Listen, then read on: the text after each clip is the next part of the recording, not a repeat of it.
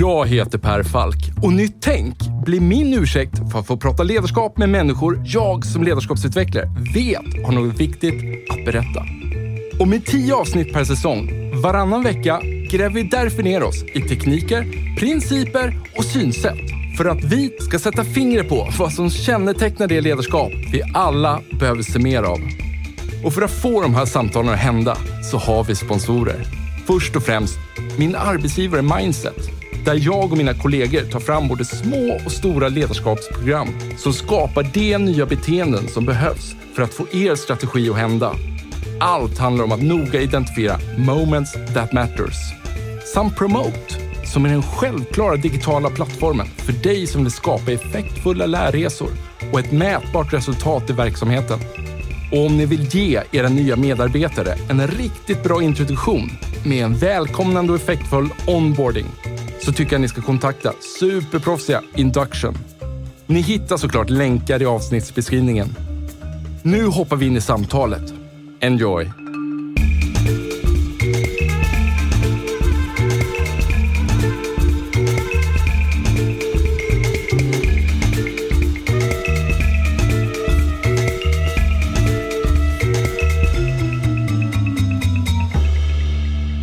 Du, eh, så här, jag bara prövar en, en incheckningsfråga som jag har börjat köra eh, rätt ofta här. Eh, för det har kommit så bra intressanta resultat ifrån den. Så här. Jag bara testar den på dig också här i, i lite utforskande syfte. Gör du någonting på fritiden, ett beteende som du skäms lite för? För att göra det enkelt för dig så kan jag jag kan gå, ta första steget här och säga så här att det här har jag aldrig berättat om i podden och det här talar inte till min fördel.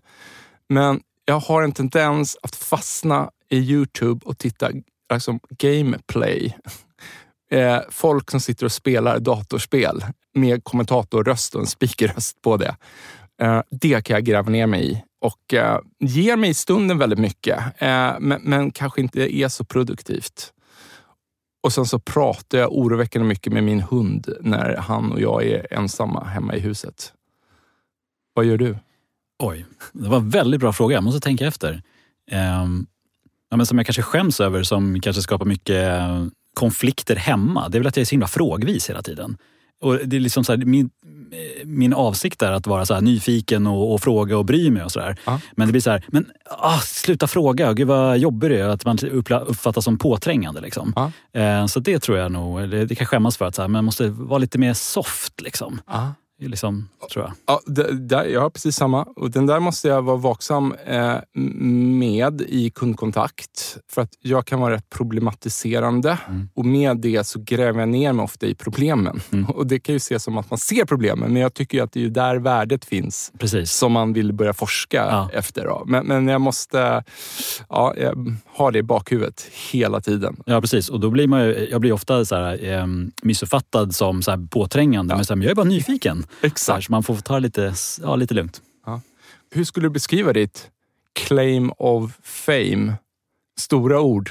Stora ord, verkligen. Um, äh, men det måste nog vara att jag uh, har nog lärt mig att förstå hur meningsskapande i organisationer funkar och jag kan uh, berätta det för andra och uh, hjälpa andra med det.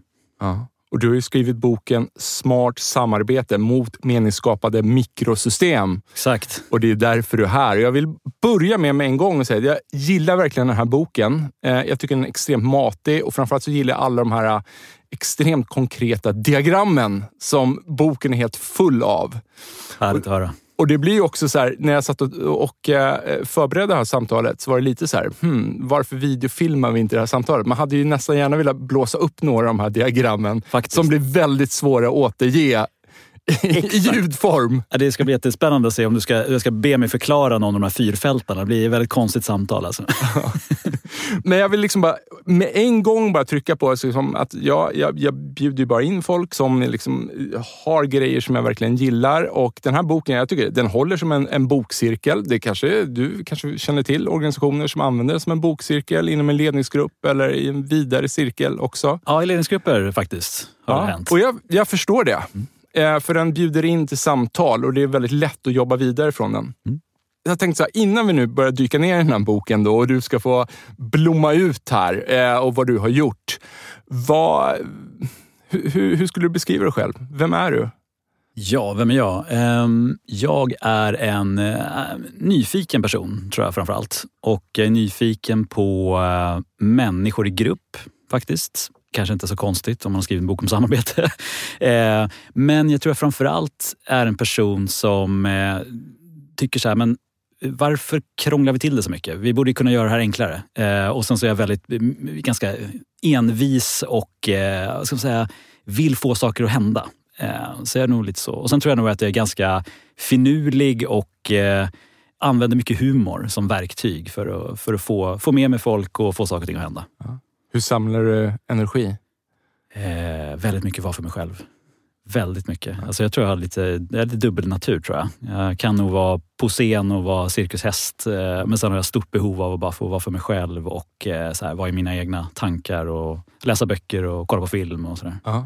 Det låter lite som en kopia av mig, måste jag säga. Nu, nu ska jag inte trötta ut någon, för det, det har jag pratat om så många gånger i andra avsnitt där. Men just att jag är, jag är introvert. Liksom. Inget snack om saken. Men när jag pratar om det jag har passion för så blir jag extrovert och kan missförstås som det också. Eh, men det är ju bara där och då. Liksom. Sen måste jag... Eh, jag berättade ju för dig om ett case här jag jobbat med precis innan vi började spela in här. Efter ett sånt case måste jag stänga in mig i pannrummet hemma eller ja. gå ut och gå med hunden själv i skogen eller liknande. Ja, men det här är så roligt också, för jag är precis likadan. Jag tror att om folk träffar mig när jag är liksom i, en, i en extrovert eh, fas eller läge sådär, då är det så åh, jäklar vad rolig och kul den här killen var. Och sen så ja. kanske några råkar träffa mig när jag är inne liksom i det andra läget och så här, men hallå, jorden jag förstår, jag förstår precis dilemmat. Och eh, exakt, var det samma person jag träffade? Exakt. Liksom, ja. Ja. Du, eh, varför blev du forskare då? Ja, men det är ju nyfikenhet. Det är, liksom, det är där det började. Jag eh, avslutade min eh, utbildning på KTH då, i industriell ekonomi, civilingenjör och eh, och lite besviken måste jag säga på eh, den utbildningen. För jag tyckte att det var för mycket bara en förlängning av gymnasiet. Så man, eh, man sitter och lyssnar på föreläsningar, man gör uppgifter och lämnar in och skriver tentor och så här. Och jag tycker så här, allt som jag ville få ut av universitetsvärlden, det var ju någonting annat. Det var ju att få liksom att blomma ut och ta reda på saker själv och hitta sin passion och sådär. Så att eh, när den här möjligheten upp, öppnades upp då för att eh, bli doktorand då på industriell ekonomi på KTH så kände jag så här, nu kan jag äntligen gå på universitetet på det sätt som jag ville. Ja. Så det är bara det att det tog fem år innan jag fick göra det. eh, men det var, så det, det för mig var liksom på något sätt universitetsstudier på riktigt. Så här, få gå in i ett ämne, hitta sitt forskningsområde, jobba med samarbetspartners, driva igenom forskningsprojekt och göra sin grej. Liksom, fullfölja sin idé. Ja. Vilka ser du upp till? Som forskare till andra forskare? Det finns så många. Um...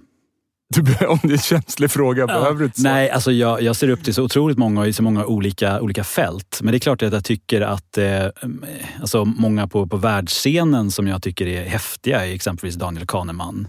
Som liksom det här att tänka snabbt, tänka långsamt. Jag tycker liksom att det, det som hans forskning och de han har jobbat med summerar är ju helhäftigt. Liksom. Den, den liksom idén om att eh, ja, men vi behöver både jobba med vår intuition och hur vi jobbar det här det rationella långsiktiga tänkandet och, här, och hur vi får det att hänga ihop och hur vi blir mer medvetna om oss själva och hur vi fattar beslut och sådär. Ja. Hans namn har dykt upp i flera avsnitt kan jag också säga. Mm. Ja. Du, eh, och, och varför just det här ämnet då, då, som du ska prata om? Var det såklart från början? Nej, det var det verkligen inte. Utan det, var, det kom då i, i, min forskning då jag trodde först att jag skulle gå in och jobba med eh, så här, hjäl, alltså forska om teknikutveckling i, i, organisationer och det här var byggbranschen och mobil IT. Och jag, skulle liksom, jag trodde jag skulle revolutionera bygg, byggbranschen med mobil IT. Och så där. Men det, var, det blev ju inte det. Utan Nej. det det handlade om det var att jag följde Ehm, och det var faktiskt Skanska då, eh, ett, ett, bolag som jag var lite fluga på väggen under många år så där, och följde dem i deras utveckling och implementation av den här mobila plattformen. Då. Och insåg att det jag medverkat till, det var ju snarare så här, hur hur funkar det här egentligen när man ska göra sådana komplexa projekt? Mm. Det är ju inte att följa en plan och en process och sådär. Och så här, om man bara är disciplinerad och strukturerad så kommer det gå bra. Utan det är ju sammelsurium av de här olika eh, vad ska man säga, teamen och gruppen och konstellationerna som har det här smarta pratet ja. över eh, tid. Och hur de genom det hittade vägarna framåt. Så. Ja. Och då insåg jag det att det här är ju det är ett meningsskapande det här handlar om. Och då så här, hur, hur hur gör man det där meningsskapandet i organisationer skalbart? Och sen så har jag fortsatt jobba med det här och eh, liksom har nu mer och mer paketerat det som att det är ju, det är samarbete. Det är och så här, hur kan vi tänka på organisationer och organisering i komplexa uppgifter mer kring samarbete mer än struktur? Och, och vilken eh, överlämning då till mig. För att återigen, jag spelar ju bara in avsnitt med det som är liksom ett specifikt ämne jag vill belysa. Och, och, jag är så glad när du tar upp det här, hur du själv upptäckte då där på Skanska liksom att men det är ju det, är det här som är det viktiga. För att som jag ser det, en, en organisation, det är ju bara ett myller av interaktioner mellan människor inom en grupp, mellan grupper, mellan olika funktioner, kanske olika affärsområden. Och det är ju en fascinerande tanke om man kan sätta liksom, samarbete eh, som en eftersträvansvärd skill eller capability mm. i sig själv. Exakt. Men samtidigt då, så här, och nu då, så här, ibland så ställer jag lite så här, avsiktligt provocerande frågor. Jag är ledsen att den första kommer så snart in i samtalet, men jag bara tänker så här.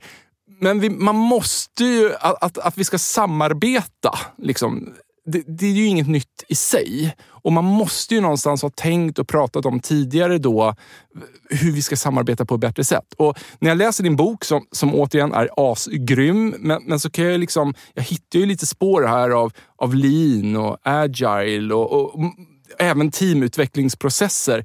Det finns ju jättemånga subområden som, som du liksom smälter ihop här. En jätte, jätte, jättelång fråga. Jättelång fråga. Eh, men nu hann jag tänka, så det är jag tacksam för. Nej, men alltså, eh, det är ju på ett sätt så kan man säga att det som jag skriver om i min bok, det är ju ingenting nytt. Absolut inte. Det som jag tror är ett, ett nytt perspektiv på det, det är att kanske få en aha-upplevelse kring att vi tar oss an samarbete på sånt trubbigt och träigt och strukturellt sätt. Ja. Att vi liksom sabbar det som du beskriver. Det här, vad är samarbetsskicklighet? Mm. Ja, det är ju inte att lägga en våt filt av liksom Excel-ark, powerpoints, eh, processledning och sånt, metod, metodstöd upp in i absurdum. Liksom. Utan det är ju att så här, ja, vi har de där äh, kapabiliteterna och de, de resurserna och det är svinbra, det ska vi använda oss av. Men det är viktigt också att vi använder oss av dem på ett smart sätt. Att de vägleder oss och inte strikt styr oss. Ja. Och sen lägger vi resten av tiden på att faktiskt prata om hur vill vi samarbeta? Ja. Och vad, vad är våra enkla principer, spelregler och någon form av kulturellt beteendemässigt fundament? Och sen så att vi hittar formerna för hur vi tränar oss på det och har träningsidén i fokus. Sådär. Och att det inte är någonting så här, vi åker iväg på en offsite på en konferensgård och eh, liksom bygger, bygger team.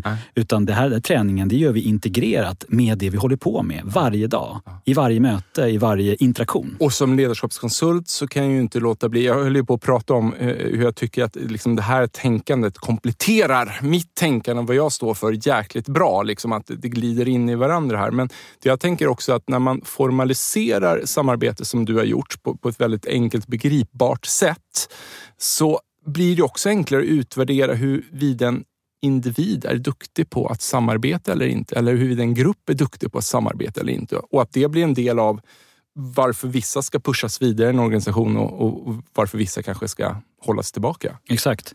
Och sen så tror jag i det att de som är då har talang för det här, de blir ju oftast de som blir naturliga ledare och får stora, mycket ansvar och sådär. Men en organisation eh, innehåller ju, det är en stor mångfald i det. Och det är ju människor som är kanske jätteduktiga specialister och tekniskt kunniga och sådär. Och de har inte den här naturliga talangen för att samarbeta. Men då behöver vi hitta formerna för hur vi får samarbetet att funka med dem också, för de behövs ju. Och då måste vi också hitta formerna för samarbete som funkar både för de som är svinduktiga på att samarbeta och de som är helt kass på det. Och det är ju det som det smarta samarbetet handlar om. Hur hittar vi samarbetsformerna där, där, faktiskt vi, där vi förlöser den fulla potentialen av vilka vi är? Och det är det som är kollektiv intelligens. Ja. Klockrent. Du, eh, så här, innan vi börjar gräva ner oss lite då, och liksom kanske börja prata om lite hur man praktiskt skulle kunna få det där att hända. Men så här, vet vi någonting om organisationer då, som, som har ett bra samarbete internt? Och, och hur fasen man det? Ja, jag har stött på såklart både eh, sådana som är inte så bra på det och, och sådana som är väldigt bra på det. Jag skulle säga så här, de eh, organisationer som har startats ganska nyligen och haft lyxen att inte ha en, ett legacy från, från som förr. Mm. Eh, men exempelvis ta ett valfritt stort eller ja, ett tech, techbolag. Eller, jag menar, det kan ju vara allt, allt ifrån eh, sådana som är inom eh, fintech eller eh, medieproduktion eller eh, liksom, ja, eh, streamingtjänster eller vad det nu kan mm. vara. Jag tror att de har haft lyxen att kunna så här, hur vill vi att vårt bolag ska funka från, från början? Mm. Och har anammat sådana moderna principer som självorganisering och mm. agilitet och så. Mm. De har ju ett liksom naturligt sätt att ta sig an det från början och mm. attraherar människor som vill jobba på det sättet. Mm. Så de får det här spelsystemet i samarbete att funka naturligt. Mm. Det som är utmaningen är att vi har också väldigt stora organisationer som har funnits i ja, det kan 100 år. Mm. Exempelvis in, industribolag. Mm. Då, så här, de tycker det här är coolt och de vill kunna jobba mer agilt och så. Men att göra den omställningen är ju jättesvår. Mm. Så där har de ju då en ambitionsnivå att vilja vara duktiga på att samarbeta. Mm. Men det är så otroligt mycket som tynger dem i att de här befintliga strukturerna och sättet att leda och styra det, gör, det, det står i vägen. Ja. Så det blir väldigt mycket konflikt och väldigt mycket frustration. Men vi bara backar tillbaks där. Tror du att... Alltså så här, för att jag, jag kan väl också känna eh, att så här, de här riktigt stora kliven i hur en organisation fungerar, att nej, men det sker nästan av en organisation som byggs upp från början, mm. från scratch. Liksom. Men att de nu som står bakom de här techbolagen då, som du exemplifierade med, så här, har, har man haft ett kunnande på området eller har det bara instinktivt blivit så här för att organisationen formas i en annan tidsålder där vi kommunicerar på ett annat sätt? Och då blir andra flöden inom organisationen? Ja, men jag tror likadant där. Jag tror att det är både och. Jag tror att det är människor som, som startat de här bolagen, är en del av, av liksom grundplattan om man säger så. De har förmodligen jobbat i andra organisationer där de tyckte att det här funkar ju inget bra. Vi måste ju nu ta steget och, och göra det här på ett annat, annat sätt och bli inspirerade kanske av andra idéer och så. Men sen tror jag också att tidsandan är att nu måste vi ju gå mot ett annat form av liksom, då arbetsliv och ett annat typ av företagande. Och liksom, vad, är, vad är att ha ett arbete? Det är ju mer av en livsstil har det blivit snarare. Och det är en del av livet som helhet. Samarbetar vi mer idag? Jag tror vi tvingas det. Jag är helt övertygad om att vi samarbetar mer för att det är så himla komplext och sammanlänkat och uppkopplat allting vi håller på med. Aha. Så att om vi inte har förmågan att samarbeta så, så går det inte så bra. Jag kanske skulle omformulera frågan. Har vi fler interaktioner idag? för att det låter ju också... Det är inte nödvändigtvis så att, att eh, bara för att man har mer interaktioner att man samarbetar på ett bättre sätt. Men, men det Nej, men jag du förstår frågan? Absolut. Ja. Nej, men mer interaktioner, absolut. Och där är vi kanske också utmaningen att vi har fler interaktioner med människor, men det är inte nödvändigtvis så att vi träffar fler människor. För det är så otroligt mycket av de här interaktionerna som är chattar och sms och digitala interaktioner och sådär. Liksom.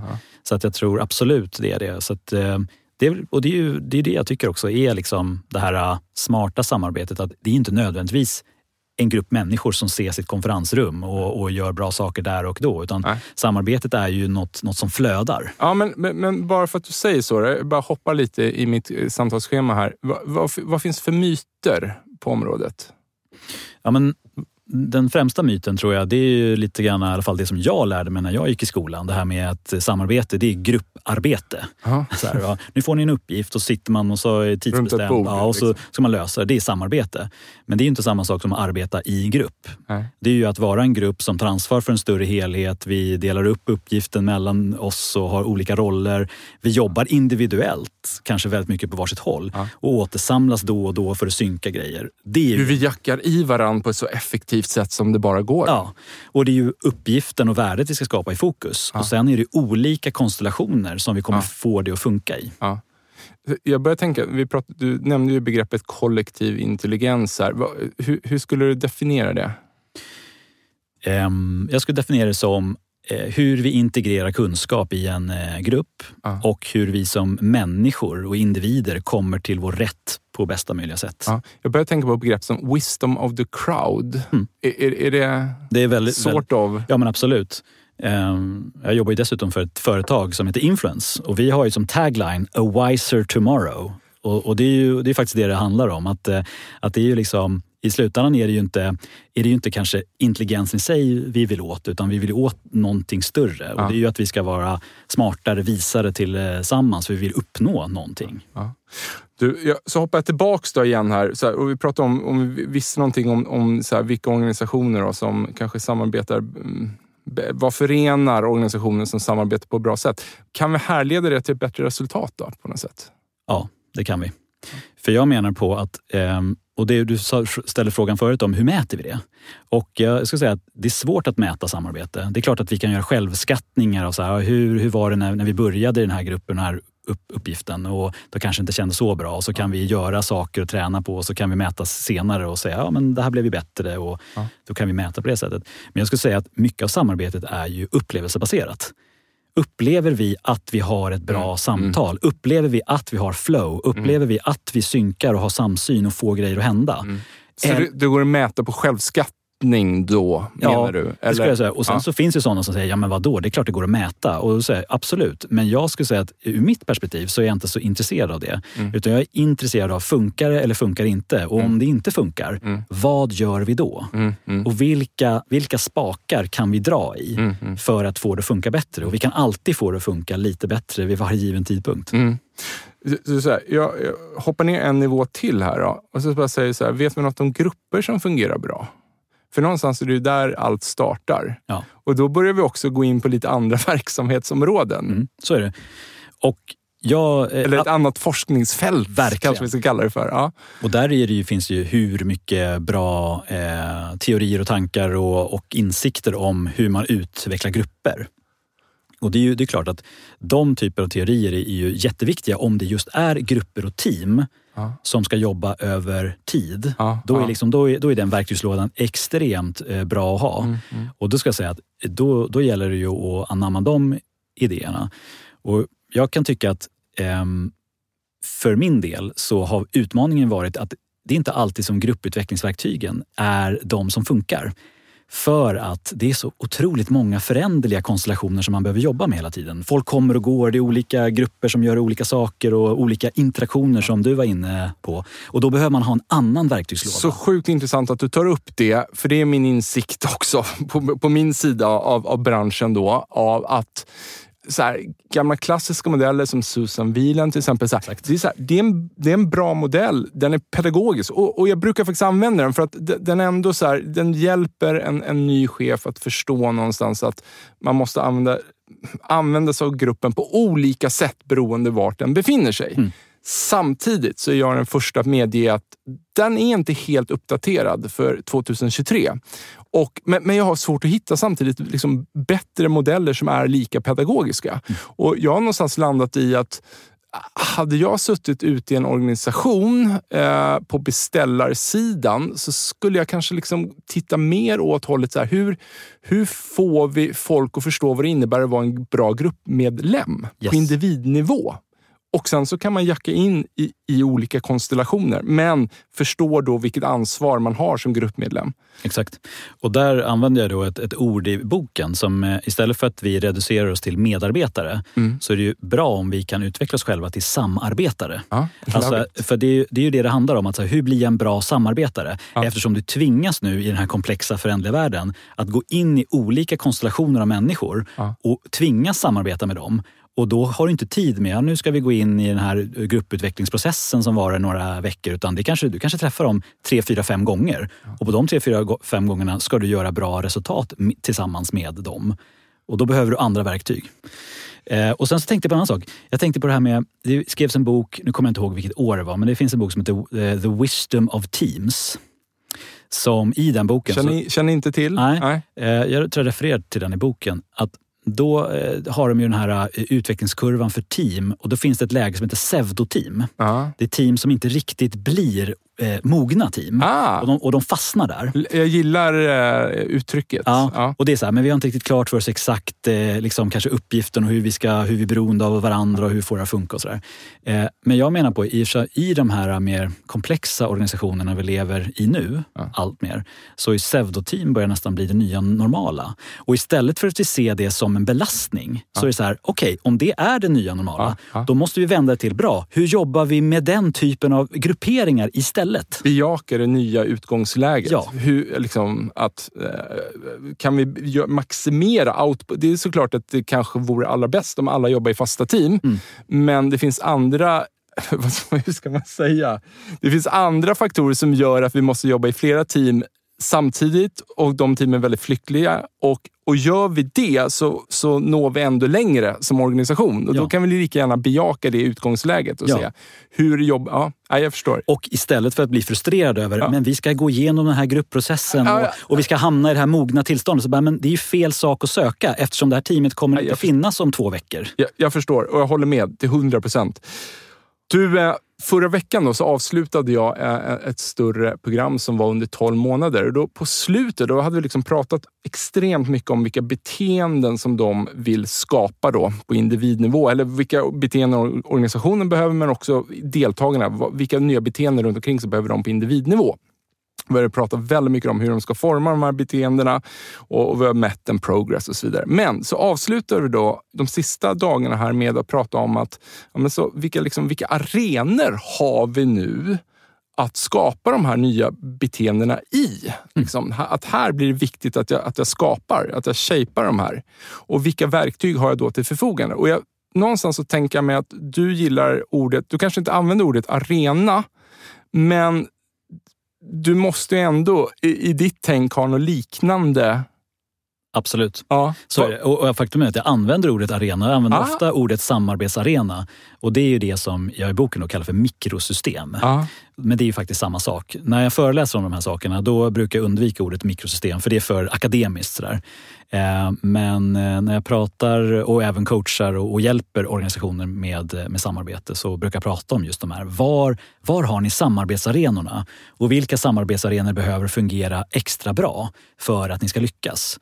Så att jag brukar ofta, eh, när jag tar mig an och hjälper ehm, eh, organisationer att samarbeta bättre, då är ju egentligen den första frågan jag nästan alltid ställer så här, vilka är ni beroende av för att lyckas med den här uppgiften som Ja. ni vill lyckas med? ja, Och sen så hjälpa dem och, och hitta dem. Liksom, ta på sig andra typer av glasögon, skapa en annan blick för sin egen organisation och identifiera var finns samarbetsarenorna och vilka samarbetsarenor behöver vi skapa för att lyckas? Och sen gå in i dem och jobba med dem väldigt tydligt då kring samarbetsvanor. ja. Möten känns som en väldigt Verkligen. vanlig typ av arena. Ja, det är det verkligen. Och, och, och i boken så tar jag upp så här, det finns, det finns ett enkelt sätt att använda här, en, en akronym som kallas för BRUM. Eh, och det är en ganska bra sån här, enkelt sätt att kategorisera vad är det för typ av olika samarbetsarenor som vi oftast pratar om. Och BRUM då står för beslutande, rådgivande, utförande och mottagande mikrosystem. Då. Och, och det är ju ett sätt att säga, ja, just det, vilka är vi beroende av för besluten här och vilka, be, vilka är beroende av för rådgivning och vilka behöver utföra vad och vilka behöver ta emot våra resultat och sådär. Och då blir det lättare också sen att gå in och jobba. Just det, och det är deras syften som definierar sen hur de ska kunna samarbeta. Exakt. Vad ska outputen vara för Ja. just det här med typen av möte? Precis. Ja. Love it. Mm. Och, och då blir det på något sätt, då är det ju, då är, egentligen så är det ju eh, de här eh, samarbetstillfällena som uppstår i de här olika kategorierna av samarbetsarenor. Och då gäller det att förstå hur gör vi de eh, samarbetstillfällena så smarta som möjligt. Om vi bara zoomar ut på oavsett vilken typ av möte det är.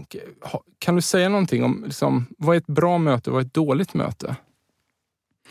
Ett eh, dåligt möte kan jag börja med. Det är ju, det är ju ganska föga förvånande. Ett möte som inte har en agenda och ett syfte. Är ju ett ganska dålig ut, ut, utgångspunkt. Och, eh, för då vet man inte vad man gör där och vad man ska bidra med och, och det är ju ganska liten sannolikhet för att det blir ett bra output. Så. Eh, så att, eh, och det pratar jag mycket om i boken. Att det är möten och hur vi liksom skalar upp det till samarbetsarenor. Det börjar ju sluta med förväntningar.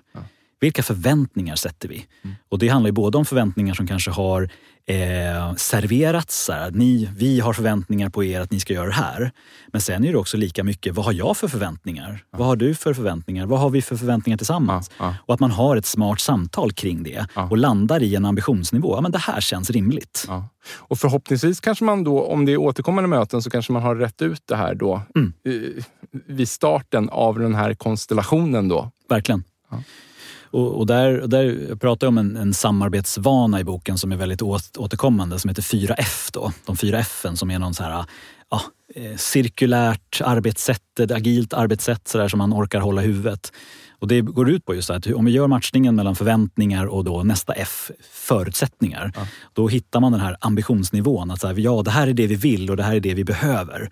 Och då kan man gå igenom eh, de andra två F, att förverkliga saker och förbättra dem. Och om man tänker efter, så här, ja, ett möte, vad är det? Ja, det är ju en sån där cykel. Ja. Inför mötet så sätter vi tydliga förväntningar på vad som ska hända och vilka förutsättningar vi behöver få det att funka. Och sen i mötet då förverkligar vi det. Och sen i slutet av mötet så pratar vi om vilka för förbättringar behöver vi göra inför nästa möte eller vad vi ska göra härnäst och så.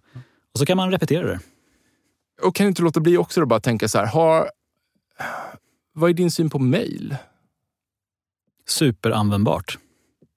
Verkligen. Ja. För att jag, jag är en sån här person som jag är allergisk mot eh, exempelvis informationsmöten. Eh, jag tycker liksom att eh, många möten är egentligen ett mejl. Eh, och det kan låta hur tråkigt som helst. Men jag tycker också att, att det är en kombination av... Eh, det smarta samarbetet är ju både såklart det sociala och vi skapar tillhörighet och så. Men vi måste också slå vakt om det som är effektivt.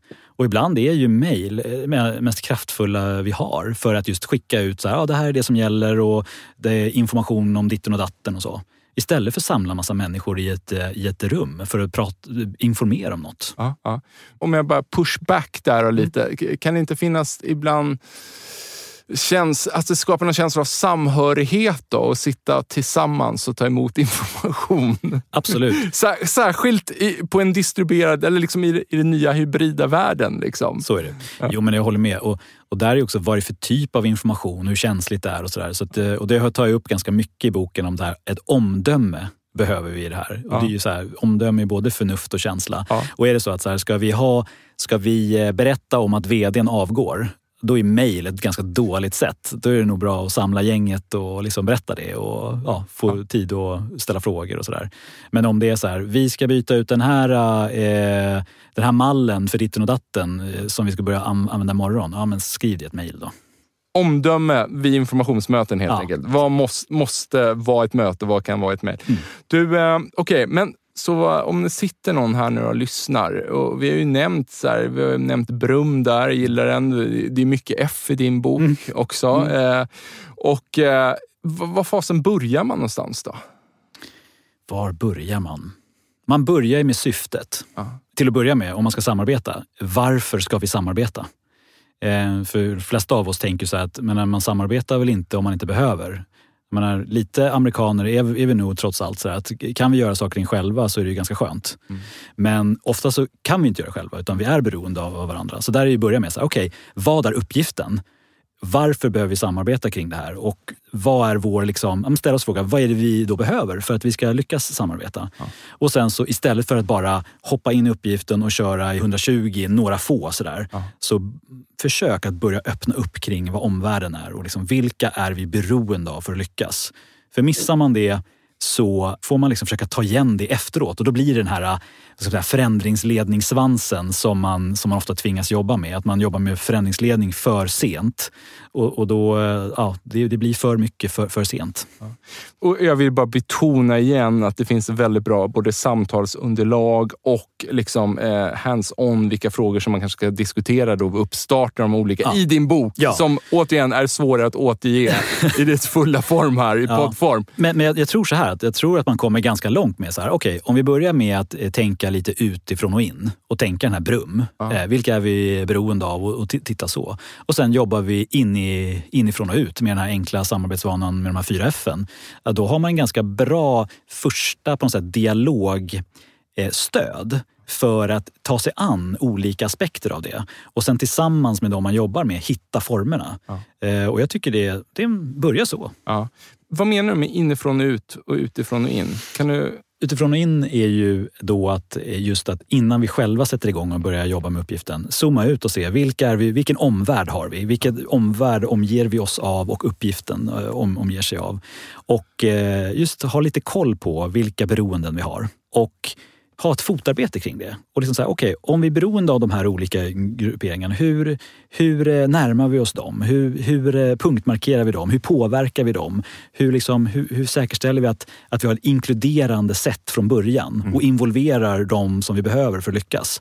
Så det är liksom ut, som suga in den kompetensen och de vi behöver för att, för att lyckas. Så. Ja, ja. Och eh, inifrån och ut är ju mera, men nu är vi i den här gruppen av den här delprojektet eller vad det nu är för någonting som, som ska lyckas med den här specifika uppgiften. Och då med prata om inifrån och ut. Då. Hur ska vi navigera i den här uppgiften med exempelvis då ett, ett repeterbart arbetssätt för att lyckas? Ja. Det som jag också gillar med boken, förutom nu liksom att, att den är väldigt konkret, så, så här, det är också rätt mjuka frågeställningar, eller traditionellt mjuka frågeställningar som du tar upp du, du pratar om så behovet av självpresentation mm. när man hamnar i en ny konstellation. Mm. Och förutom då liksom, eh, saker som vi kan gissa oss till som man brukar ta upp med en självpresentation, eh, så tar du också upp så att man ska beskriva sina avigheter. Mm. Ja, men jag tror ju att Ja, men om man tar det utzoomade perspektiv på det. Så är ja. Jag är jätteintresserad av massa olika teorier kopplat till det här. Och det är många som har djupdykt i de här äh, mjuka frågorna. Så här min bok handlar ju om att så här, okay, hur tar vi allt det här som är så otroligt in intressant och bra och gör det användbart? Och vilka lite nuggets plockar vi ut som, är, som funkar för det mesta. Och då är exempelvis en sån sak som att våga öppna upp och prata om sig själv. Ja. Det är ett väldigt effektivt sätt för att visa för andra att så här, bra, då kanske du kanske också kan öppna upp dig och då kan vi plötsligt få ett, ett samtalsklimat som är trevligt. Ja.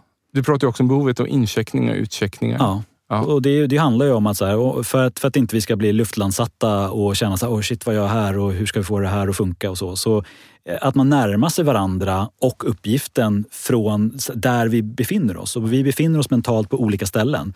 Så incheckning är ett jättebra sätt att bara samla sig och göra det så effektivt och kort som möjligt. Och sen när vi går därifrån, göra en utcheckning för att, okej, okay, hur upplevde vi det här och vad kan vi ta med oss framåt? Ja. Vad skulle incheckningen kunna vara? Allt möjligt. Det kan ju vara allt ifrån så här, vad har du för förväntningar på det här mötet? Men det kan ju lika gärna vara eh, exempelvis en, en sån typ av incheckning. Vad, vad skäms du över? Exakt, jo men verkligen. Så jag, jag brukar faktiskt uppmana till det att så här, kan man flika in eh, en lära känna-fråga då jobbar man ju med självpresentationen, inte som ett tillfälle, utan man gör det lite då och då, sådär, ja. över tid. Och, och jag, igen, jag, jag, upprepar mig igen, men det är det som jag tycker, gillar här, liksom att du smälter ihop det här hårda med det mjuka och det vi pratade lite mm. om här också innan vi började banda samtalet här. Ja. Alltså för några år sedan så tyckte jag liksom, eh, jag, jag, jag var nog lite mer traditionell i mina incheckningar då. Och, men sen har jag bara insett värdet av de här lite mer vad skäms du för som du gör på fritiden-frågorna och kör dem nästan som standard. För att som jag tränar nu i hybridform så kommer folk in till många lite kortare möten eh, istället. Och då kommer de in direkt från sin arbetsvardag, hoppar in i det här mötet och för att få dem avslappnade på rätt mode inför de kanske praktiska övningar vi ska göra, case-lösningar eller rollspel, så börjar jag känna att jag måste bara ha de här lite crazy incheckningarna. Och det funkar. Mm. Och folk slappnar av och eh, släpper garden, man vågar börja bjuda på sig själv. Exakt. Man bygger tryggheten inom gruppen. Precis så. Och det är mycket enklare än vad man tror. Eh, eh, första gången man gör det så tänker man, vilken bomb släpper jag här nu då? Och vad får det här för konsekvenser och ja. sabbar hela mötet? Ja. Men det visar att det är det som gör att vi vågar prata med, med varandra ja. lite mer på riktigt. Verkligen. Ja, du... Um, hmm, Okej, okay. jag, jag, problematiserar vidare här. Jag, jag, tänker så här också då att, jag menar bara för att vara supertydlig, du, så här, det här exemplen du nämnde, liksom, det är ju liksom ett format då som i alla nya konstellationer som man hamnar i så, så måste man börja enas lite om de här frågorna. Är det inte rätt lätt då, om man är lite djävulens advokat, att man kan bara fastna i någon loop vad som är syftet med vårt samarbete? Som blir liksom en vi når aldrig mål och varje gång vi träffas så håller vi bara på att prata om vad syftet är med mötet. Liksom. Och vi verkar aldrig riktigt kunna enas. Nej, det där är jättevanligt och, och det är därför som också med den här 4F-loopen som jag pratar om, då, det här med förväntningar, förutsättningar, förverkligande och förbättringar. Det är ju, att, är ett annat sätt att säga snacka inte bara, utan snacka absolut en stund och gör framförallt matchningen mellan förväntningar och förutsättningar. Det behöver man prata om och så. Men sen så är det så här, okej, okay, nu är det good enough. Nu behöver vi göra saker. Och genom att vi förverkligar saker så har vi någonting att fortsätta prata om, för då har vi skapat någonting. Och det är kring det som vi har gjort som vi sen fortsätter prata om. Okej, okay, vad vill vi förbättra framåt och hur kanske behöver vi anpassa ambitionsnivån då? Kring eh, förväntningar och förutsättningar. Det, det låter lite iterativt. Jo, men det är ju det. Så det är, det är ju ett annat sätt eh, än att säga så här, gå in och använd en väldigt svår agil metodik för att jobba och istället så här, okej, okay, trigga den här samarbetsvanan som är så enkel att hålla i huvudet, de fyra F. Den är repeterbar och den handlar om att göra växlingen mellan prata och göra. Ja. Prata och göra och däremellan såklart tänka. Ja. när du är ute och jobbar i organisationer, kan du känna då när du eh, det är precis som i ledarskap. Jag menar, de mest effektiva ledarskaps vetenskapligt validerade, eh, kända ledarskapsbeteendena som vi vet att vi måste göra mer av.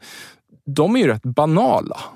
Verkligen. Och, att, eh, och jag kan prata rätt länge av att problemet är inte att de är svåra att förstå. Problemet är att, att, att få in dem i sin ryggrad och verkligen göra dem. Och du nämnde ju Kahneman eh, tidigare. Då. Man, man, man, det kan ju säkert finnas ett bias där, där man tror att man gör de här ledarskapsbeteendena mycket, mycket, mycket oftare än vad man, som faktiskt är fallet. Mm.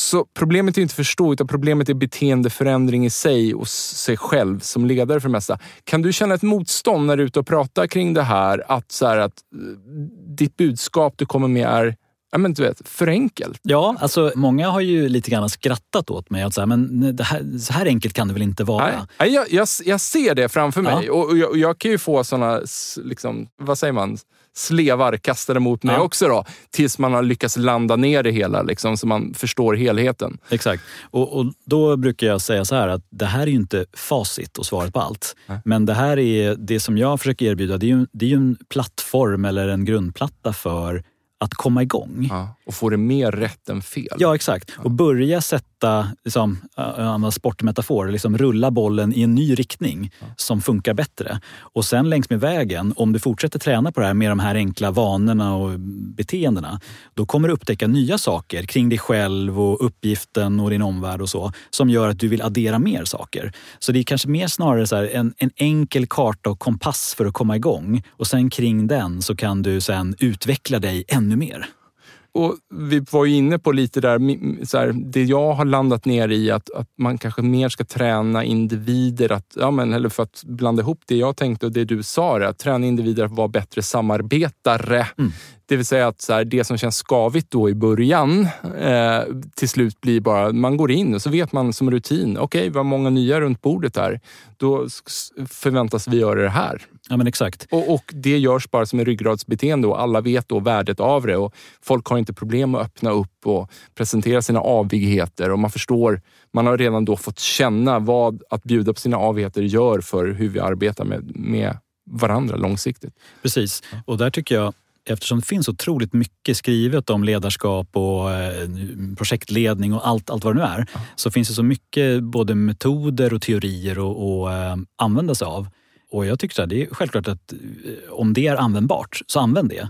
Men jag tror det som jag försöker eh, framhålla är ju att det finns också en användbarhet i att hitta, hitta en enklare, enklare spelsystem också. Aha. Och det kan vi också inspireras av. Och sen kan vi applicera svåra teorier och svåra metodramverk också. Sådär.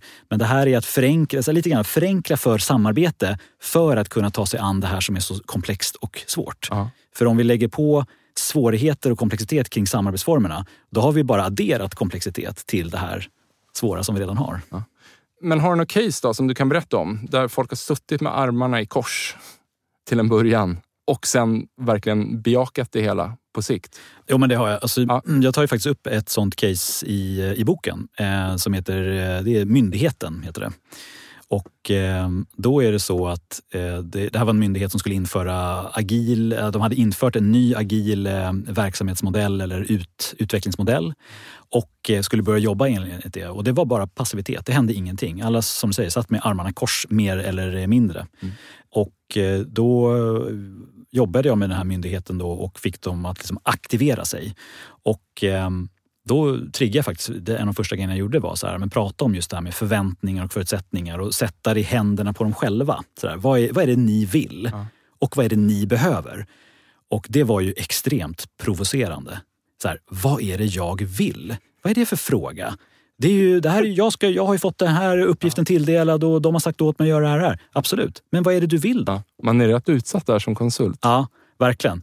Men det där, det där tog ju spinn och, och sen så till slut så förstod ju de allra flesta, jag skulle nästan, ja det var nog alla till, till slut som jag, som jag jobbar med, att det handlar ju om att det vi omsätter till det vi själva vill, det är ju det som i slutändan också blir, blir gjort. För det handlar ju om motivation vi kan få krav på oss och vi kan göra saker över tid och, så här, och vi kan lura oss själva i några veckor, några månader, kanske något år att om det här funkar. Men det är ju bara de sakerna som vi sen gör till, till vårt eget och omsätter till det här vill jag. Det är det som gör oss motiverade och faktiskt stannar kvar och, och jobbar i en organisation. Du, eh, det låter ju nästan som det caset då att där och då handlade det om att få till ett samarbete mellan olika grupperingar för att kunna få de agila processerna att fungera? Då? Ja, exakt. Så då, då var det, hade de ju ett, eh, ett implementerat eh, agilt ramverk. Så. Eh, och, och, det var ju på pappret hur bra som helst. Men det var bara problemet att det inte hände någonting på riktigt.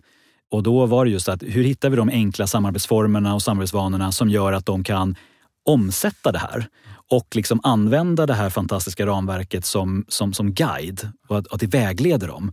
Men inte att de ska sitta och plugga in det som ett, som ett facit och följa varje, varje steg. För det är inte det det syftar till. Det syftar till att det ska vägleda dem för att sen fokusera på uppgiften och det värde de ska skapa. Och då är det en väldans massa olika interaktioner och samarbetstillfällen som behöver funka.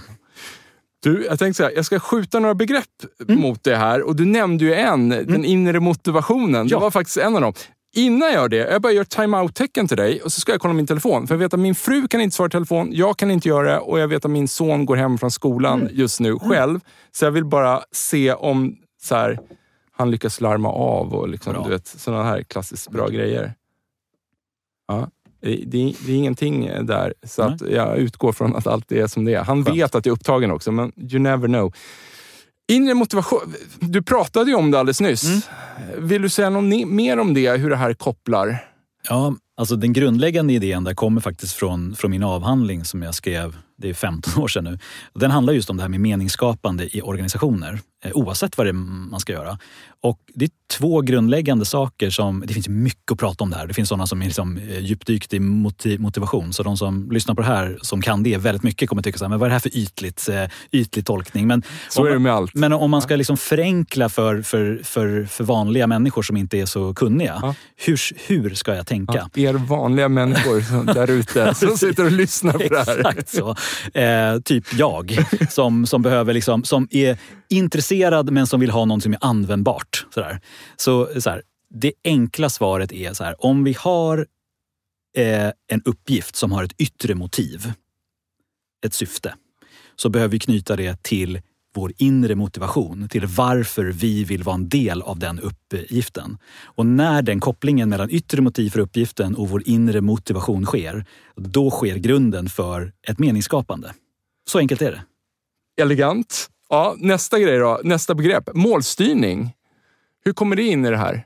Det är ju, ska jag säga, det klassiska management-tänket för vad en organisation är. Man målstyr. Och det är ju väldigt mycket det top-down perspektivet som jag, som jag pratar om. Men istället för att det är, låter som någonting som, som är toppstyrt och, och tråkigt.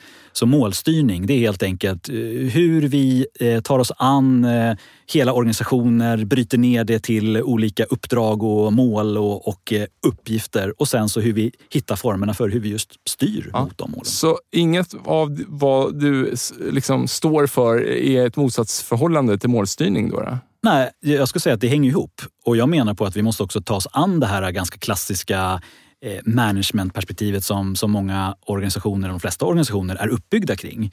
Och vi måste också eh, liksom se, okej, okay, hur, hur använder vi oss av det på ett smart sätt också i det här? För det, det, det, strukturella sättet att driva bolag, det är ju det, är ju det som är det ja. standard. Ja, och jag landar i samma slutsats också. Jag, jag försöker förenkla, förenkla och, och verkligen liksom gå på djupet av några få ämnen. Men målstyrning känner jag bara måste bara vara där. Absolut. För det ju, vi samarbetar inte bara för att det är roligt och mysigt. Vi ska uppnå någonting. Det är därför vi gör det. Ja. Du pratar om målstyrning versus mobilisering. Ja, och det är ett annat sätt för att prata om det här eh, bottom-up-perspektivet på, på organisationer. Det vill säga att vi själva, vi människor som är i organisationen och vad har vi för drivkrafter och kreativitet och så. Och hur mobiliserar vi oss själva tillsammans med andra att göra saker. Så att för mig är det då, så, som jag ser det, är alltid ett top-down perspektiv och ett bottom-up-perspektiv som är, är, där samtidigt. Det vill säga målstyrning och mobilisering. Och det sker i de här mikrosystemen då, eller samarbetsarenorna. Jag hade Johan Bok som gäst här i podden och han pratade sig varm om after action reviews. Ja. Eller en, en retrospective mm. kanske man säger i vissa sammanhang också. Och hur han då genom olika metastudier kunde påvisa liksom effekten av att verkligen ha dem. Mm. Fredrik och Filip sa alltid så här, bra eller anus? Ja, precis. After action reviews. Ja, ja. Bra eller anus? Frågar jag dig. Bra! 100 procent bra. Hur ska man annars kunna veta vad man har gjort bra och vad man har gjort mindre bra? Alltså, Exakt. Det är liksom, och jag pratar i boken om det här med debrief, det är ett, ett, annat sätt, och team debriefs och sådär. Ja. Det är ju det, är det det handlar om. Och det är reflektion. Man, man, tusan, hur ska vi annars veta om vi inte reflekterar? Ja. Så det är en del av processen också här. Att hela tiden utvärdera hur vi jobbar och om vi lever upp till det vi har sagt att vi, vi de beteenden vi vill skapa i vårt samarbete. Här. Ja. Och, inte fastna i bara pratet utan prata, göra, prata, göra. Ja, ja. Okay. Incheckning och utcheckning har jag skrivit här. Incheckning har vi ju pratat om mm. och du tillåter både lite mer formella och, och lite mer åt crazy-hållet. Mm. En utcheckning då, hur skulle det kunna vara? Eh, det kan vara exempelvis upp uppnådde vi det vi hade sagt att vi skulle uppnå ja. på det här mötet. Ja. Här, och gå laget runt. Det kan ju också vara så här, vem, vem vill du berömma eh, på det här mötet som du tyckte gjorde något riktigt, riktigt bra? Så. Eh, så det kan ju vara lite olika saker beroende på vad det är för syfte. Är syftet uppgiftsorienterat eller mer eh, människoorienterat? Så där. Och det kan vara både och. Liksom. Ja. Du, eh, jag tycker så här, en, incheckning också som jag, jag, brukar köra rätt ofta är liksom, eh, menar, så här, ett misstag jag begick i, i veckan. Mm. Liksom. Jag, jag skickade faktiskt ut ett mejl i min egen organisation om ett misstag jag har begått då i, i närtid. Och eh, jag blir lite fascinerad. När, här, när, när, folk inte är vana vid riktigt att man bjuder på sina misstag, så jag, jag är lite fascinerad av att folk kan liksom tolka det mejlet lite på olika sätt. Vissa blir glada för man bygger en kultur, andra tror att någonting är fel ja. och att jag behöver stöd och en tredje typ tror att oj, det måste gått riktigt åt helvete. Ja. Eh, och det var väl mer lite kulturbyggande som var min avsikt. Ja. Men jag tror det, det är nog generellt tror jag och det hänger, tycker jag har märkt, ju större en organisation är desto mer är det sådär fasadbyggande blir Att man ska, inte, man ska inte visa upp sina svagheter för det kan någon an, använda emot den. Jag tror att det är synd. För att genom att vi bjuder mer på oss själva och våra misstag desto desto mer kan vi också förstå varandra och, och faktiskt skapa ett öppet och härligt klimat. Ja, Du, och här, nästa punkt har vi också svårt att prata om här. Eh, självpresentationen där. Eh, vi pratade om vikten av att ha med avigheterna. Vill du säga något mer om, om, om självpresentationen? Alltså jag tycker bra att det alltid finns en, en koppling mellan eh, så här, mig som person och ja. Eh, mig som profession. eller så. så, här, ja. så här, jag, jag är ju både en, en människa och ja. Eh, en, en yrkesverksam person. Så ha kopplingen mellan de två. Och det tycker jag är ett sätt att dela upp det. Så men egenskaper har man ju och då är egenskaper man vill lyfta, lyfta fram. Mm. Men sen istället för att prata om så det här är mina svagheter. Jag tycker det är idiotiskt. Alla, varför ska vi prata om svagheter? Prata om egenheterna. Så egenskaper och egenheter tycker jag är bra. Ja, jag brukar där... Jag, jag, mm, här, egenheter, det är ett bra namn. Jag kanske faktiskt snor det här framöver. Men, men jag brukar liksom framea emot så här, vad, vad hos mig eh, finns det som gör att jag brukar bli missförstådd i vissa mm. Eh, fall. Ja. Liksom. Eh, men det är ju samma sak som du menar här. Ja, men precis. Jag tolkar Och där kan man också slänga in sådana saker. Så här, vad är bra att veta om mig om man ska samarbeta med mig? Ja. För det är också så här, det är ju, talar ju om lite grann så här, vad man kanske stör sig på eller ja. vad det nu kan vara. Ja. Och nästa grej som är som en självpresentation för ett helt team. Du pratar om manifest. Mm. Mm, det kan man göra. Intressant. Det, ja, alltså det är ju det är kanske slå lite på stora trumman så, men det, det, kan, det kan vara aktuellt ibland. Jag tänker att det finns ju organisationer som gör det ja, fullt ut. Absolut. Där teamen tar fram sitt eget, eh, främst i agila ja. eh, konstellationer kanske. Man, man tar fram så här, det här är vi riktigt duktiga på i vårt team. Mm. Absolut, och, och, det, så kan man göra. Sen kan man också förenkla det kring att men det kanske är, vi behöver en uppsättning spelregler. Och det är kanske det som är manifestet. Så här, så här är vår idé om hur vi ska samarbeta smart.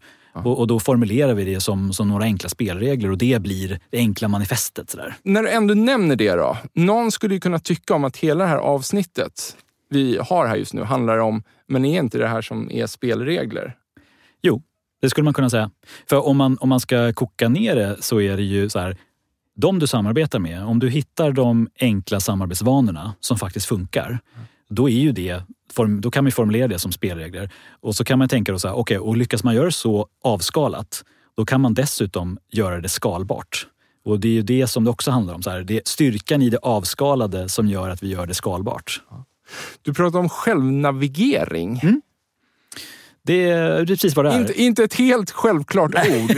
Nej, precis. Nej, men eftersom eh, så som smarta samarbete framförallt är i komplexa sammanhang handlar just om att kunna navigera i väldigt många olika dimensioner och perspektiv samtidigt. Så din träning i att bli en smart samarbetare är ju att vara en självnavigerande individ.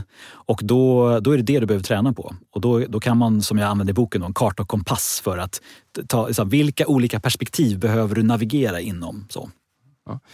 Finns det något utrymme för feedback i det här tankesättet? Ja, Ja, det, självklart. Det gör mig glad. Ja, men hur fasen ska vi annars lära oss? Ja. För... ja det är också sådär, alltså jag känner jag kan inte prioritera bort målstyrning och jag kan absolut inte ta bort feedback. Nej, Nej och, och det är väl också det som är grejen med exempelvis använda en sån här eh, samarbetsvana som de här 4F. Då.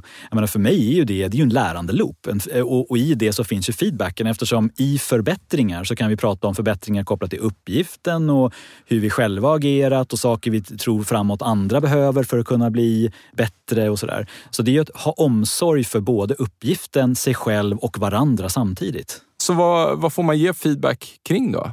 Vi, vi säger ju här att det är super, superviktigt, men vad, vad ska jag använda feedbacken till? Ja, alltså, Ur ett sändarperspektiv? Alltså, det är klart att man ska använda feedbacken för att eh, man är eh, omtänksam mot sin omgivning. Att man vill ju att, att personer man jobbar med ska, ska få chans att lära sig. Och man gör det inte för att korrigera någon, utan man gör ju som man ger feedback för att ge input. För att tänk på det här framåt. Eh, och kanske att den som tar emot det känner att oh, det där var bra, det där kan jag tänka på, det är an användbart och jag har inte sett mig själv utifrån på det sättet. Så, ja. så jag skulle säga använda det för det och sen så använda feedback också för att tillsammans förbättra uppgiften och det man håller på med. Ja. Så det är som omsorg och omtänksamhet för både det vi håller på med tillsammans och varandra ja. samtidigt. Men om, om, om vi sitter då i, i flera möten i någon typ av, av, forum då där vi möts och så känner jag att du, du är lite för dominant i samtalet. Mm. Du har svårt att släppa in andra. Liksom. Eh, och, vilket kanske då hypotetiskt bara är din kommunikationsstil. Alltså det finns ingen djupare avsikt med det. Liksom. Skulle det kunna vara en sak som är då liksom, eh, i slutet, vid en utcheckning, skulle man kunna tänka sig ett samtal kring att man, man pratar då hur, hur have we been true to liksom, våra egna principer vi har mm. satt upp för samarbetet? Det tycker jag absolut. Och, och där kan man ju prata om det utifrån eh, gruppperspektivet. Ja. Det är kanske lite väl tufft att kanske ge den direkt till, till personen. Så här, jag tycker du är för dominant. Ja. Det, den typen av feedback behöver man då ta en, en och en. Då, ja. liksom, så här, Bara när man, när, när man möts två och två. Så. Men eh, i mötet kan man nog säga så här, men jag har tänkt på att jag tycker samtalsbalansen vi har här är inte riktigt bra. Så det här behöver vi fundera på hur vi kan få bättre. Eh, kanske flagga för det mm. och sen så kanske man eh, pratar med den här personen efteråt. Så, så det, är, det är ett sätt att, eh, eller om, om man i, i gruppsammanhanget kan säga så här, en sak som jag tänkt på som skulle kunna förbättra vår samtalsbalans, det är att när vi pratar om en fråga, kanske innan vi börjar babbla på, så tar vi en stund och ställer oss frågan, så här, vad tycker vi om det här? Var och en får tänka och sen går vi laget, laget runt och vi delar med oss av det. Sen, börj sen börjar vi Skitbra. prata. Det är också rätt många krafter som jobbar emot det här. Alltså vi kan ju prata om, om egon. Mm. Och att det handlar om min karriär, så att jag vill ha rätt. Det kan prata om i, i makt och inflytande. Det kan vara målkonflikter mellan olika eh, team eller konstellationer. Mm. Eller till och med olika målkonflikter inom, in, för individer inom samma gruppering. Kan du säga någonting om det? Ja, det kan jag göra. Jag tror ju där att ofta när vi går in i uppgifter och vi har våra egna idéer, vi har bestämt oss för vad vi tycker om saker och ting. Ja. Och då ofta, går vi in i diskussioner och samtal med det. Så här, jag ska vinna den här diskussionen. Ja. Jag ska få mitt perspektiv att liksom regera. Så. Mm. Och det är ofta ganska korkat faktiskt om man ska hålla på med just eh, komplex verksamhet och måluppfyllnad och sånt. Mm. För att det är oftast väldigt många fler perspektiv vi behöver få med här. Mm. Och då måste man våga, eh, för- framförallt som ledare ska jag säga, ta ett kliv tillbaka och så här, det handlar inte om att jag ska ha rätt. Nej. Utan det handlar om att vi ska få rätt. Mm. Och det är en process att, att ge sig in i ett samtal där man öppnar upp inom liksom tydliga ramar såklart. Så här. Vi, vi pratar om det här och vi, vi målar upp det här. Mm. Och inom den ramen ska man försöka maximera kreativiteten så mycket som möjligt. Så man får den här ja, men kontrollramen, men innanför, innanför kontrollramen så är det maximal krea- kreativitet och output. Och då måste man ju vara duktig på att släppa in perspektiv, kom, låta idéerna komma in. För att sen se så här, vilka idéer är det som är bärande och bra? Vilka idéer eh, kastar vi bort? Vilka bygger vi vidare på? Vilka behöver vi utmana? Och sen tillsammans hitta i samtalsformen med samtalet som metod komma fram till vad är det som blir bäst. Så det är att gå från att ha rätt individuellt till att få rätt tillsammans. Från mitt utifrån perspektiv nu då, eftersom det inte är jag som har skrivit den här boken, så låter det ju faktiskt som att du nästan är i kärnan för hela ditt resonemang. Ja, men det är det. Just där. Det är alltså, Mind, vilket mindset vi har kring möten Mm, och hur samtalet ska ske i dem. Så är det. Och det, jag tycker ju att det här är liksom kärnan i om min tolkning av vad kollektiv intelligens är, som är ändå kärnan i mycket av det som jag skriver om och det som jag jobbar med som konsult också, är ju just det här. Att, att vi, inte, vi inte suboptimerar för oss själva i, i den eh, kontext vi är i. Utan att vi vågar släppa egot och vågar släppa våra föreställningar om vad vi tycker är rätt. För att se så här, vad, vad är det bästa möjliga här? Och det bästa möjliga tar vi reda på genom att våga släppa in fler perspektiv och fler personer. Jag kan ju ha missat det i din bok. Det här, du kan ju ha tagit upp det någonstans. Eh, Men även om det inte står i boken, i din forskning, så här, begreppet TIL. Det finns med. Det en, finns- Ett ställe nämner jag det. Sorry. Ja. sorry ja. Men, eh, eh, Så hur, hur ställer du dig till begreppet TIL? Vad, om vi gör så här, förklara för lyssnaren. Vad, vad, är, vad handlar TIL om? Ja, men TIL handlar just om att göra en organisation mer syftesdriven och självorganiserande och, och liksom inte jobba för mycket liksom, eh, struktur och eh, styrningsstyrt. Sådär. Ja. Ehm, Vad har vi för kända TIL-organisationer? Alltså jag kan inte svara på om någon har fullt ut eh, im, implementerat TIL faktiskt om jag ska vara helt ärlig. Men jag vet att många inspireras av det och pratar om det. Ja. Eh, men jag kan inte komma på någon som fullt ut Ja, nej, TIL. alltså det klassiska exemplet är väl det där eh, holländska sjukvårdsbolaget, Ja. Buurtzorg eller något sånt där, Mm. eh, som håller på med hemvård, eller vad, vad, säger vad- hem, hemtjänst, eller vad, vad säger det. man, man hjälper äldre personer Ja. i, Och- i hemmet. Liksom. Och den finns ju med i den här boken också. E- Exakt, exakt. Så- Och, och men sen så, som du säger, sen aspirerar många åt det hållet. Ja. Eh, Jag tror personligen så här, jag älskar tanken på TIL eh, och jag tror att eh, framtiden blir mer tilig. Mm. Men det är ett väldigt stort kliv att ta och då är det kanske lite som vi sa i början, de stora kliven kanske morgondagens, morgondagens organisationer som inte är skapade än, Nej. att det är de som tar det stora TIL-klivet. Jag vet inte. Ja, och jag vet inte, jag är sån här också så här, jag vet inte om det är önskvärt ens att vi ska eftersträva en viss organisationsform. Så där.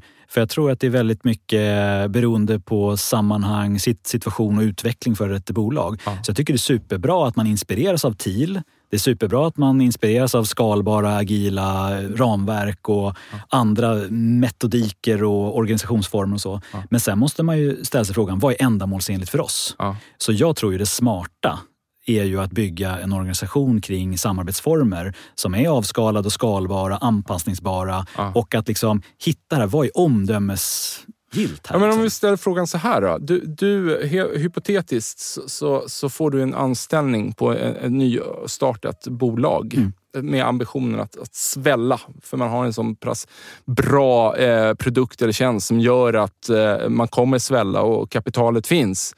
Och du sätts nu som ansvarig för att liksom få till ett bättre samarbete inom organisationen. Mm. Vad hade du fokuserat på? Då hade jag fokuserat på just eh, samarbetsarenorna. Okej, vad, är det- vad är våra viktigaste prioriteringar just nu? Vad är uppdragen och de förflyttningar vi, vi ska göra för, för att lyckas? Här. Inom de sakerna, vad är det vi behöver ha liksom, kontroll över? Och inom ramen för den kontrollen, vad, hur behöver vi maximera kreativiteten där? Och sen säkerställa att man, att man jobbar med kompetensförsörjning och eh, kapacitet eh, för de här olika delarna för att få, få det att funka. Och jobba då med de här eh, ska man säga då, samarbetsvanorna som jag exempelvis gör, eh, som jag beskriver i eh, boken. Och liksom Rätt och alla de här diagrammen. Ja, precis. Ja. Ja. men, hitta sätten att, att liksom få det att hända. Och inte vara en ledare som säger ni ska jobba på det här sättet. Utan mera låta faktiskt självorganiseringen ske. Men att det finns några ramar. Och, eh, liksom en ramar och en riktning att förhålla sig till. Ja. Och eh, idéer för hur man kan göra det. Men sen hur de omsätter och får det funka. Det Ja. måste, man, måste man låta den intelligensen som finns där lösa. Låter lite lekfullt. Ja, lite lekfullt kanske, men jag skulle nog säga att det är ganska, jag, jag tycker personligen att det är ganska styrt egentligen. För att det är, ju, det är styrt kring syfte, det är, det, det är styrt kring vad vi ska liksom uppnå på ett ungefär. Ja. Det är styrt kring några principer som vi behöver hålla fast kring. Eh, men sen så är det ju väldigt mycket en kreativ process att sen få det att hända på riktigt. Och då ska man inte gå in och gegga för mycket i hur de ska göra sitt arbete. Det är ju de som har kompetensen kring det som måste lösa det själva. Och om man vill ta kontakt med dig nu för att höra mer om det här, vad, hur får man kontakt med dig då? Ja, LinkedIn till exempel. Det är en eh, öppen profil så det är bara att gå in Ja. där och sen så kan man höra av sig på, på, på mail. Ja. Vem är den typiska personen som tar kontakt och behöver hjälp? Eh, nu på senare tid har väldigt mycket offentlig sektor faktiskt. Mycket myndigheter som vill att jag ska komma och inspirationsföreläsa, hålla träningar och sådär. Men eh, även stora organisationer. Stora ja, in, industribolag bland annat. Stort tack för att du tog dig tid att komma förbi Alexander och såklart lägger vi in en länk till boken Smart samarbete i avsnittsbeskrivningen. Toppen. Tack så mycket för att jag fick komma hit. Jävligt roligt att prata med dig. Ja, detsamma. Jätteroligt. Hörni, tack till våra sponsorer Mindset, Promote samt Induction för att ni tror på den här produktionen. Ta hand om er.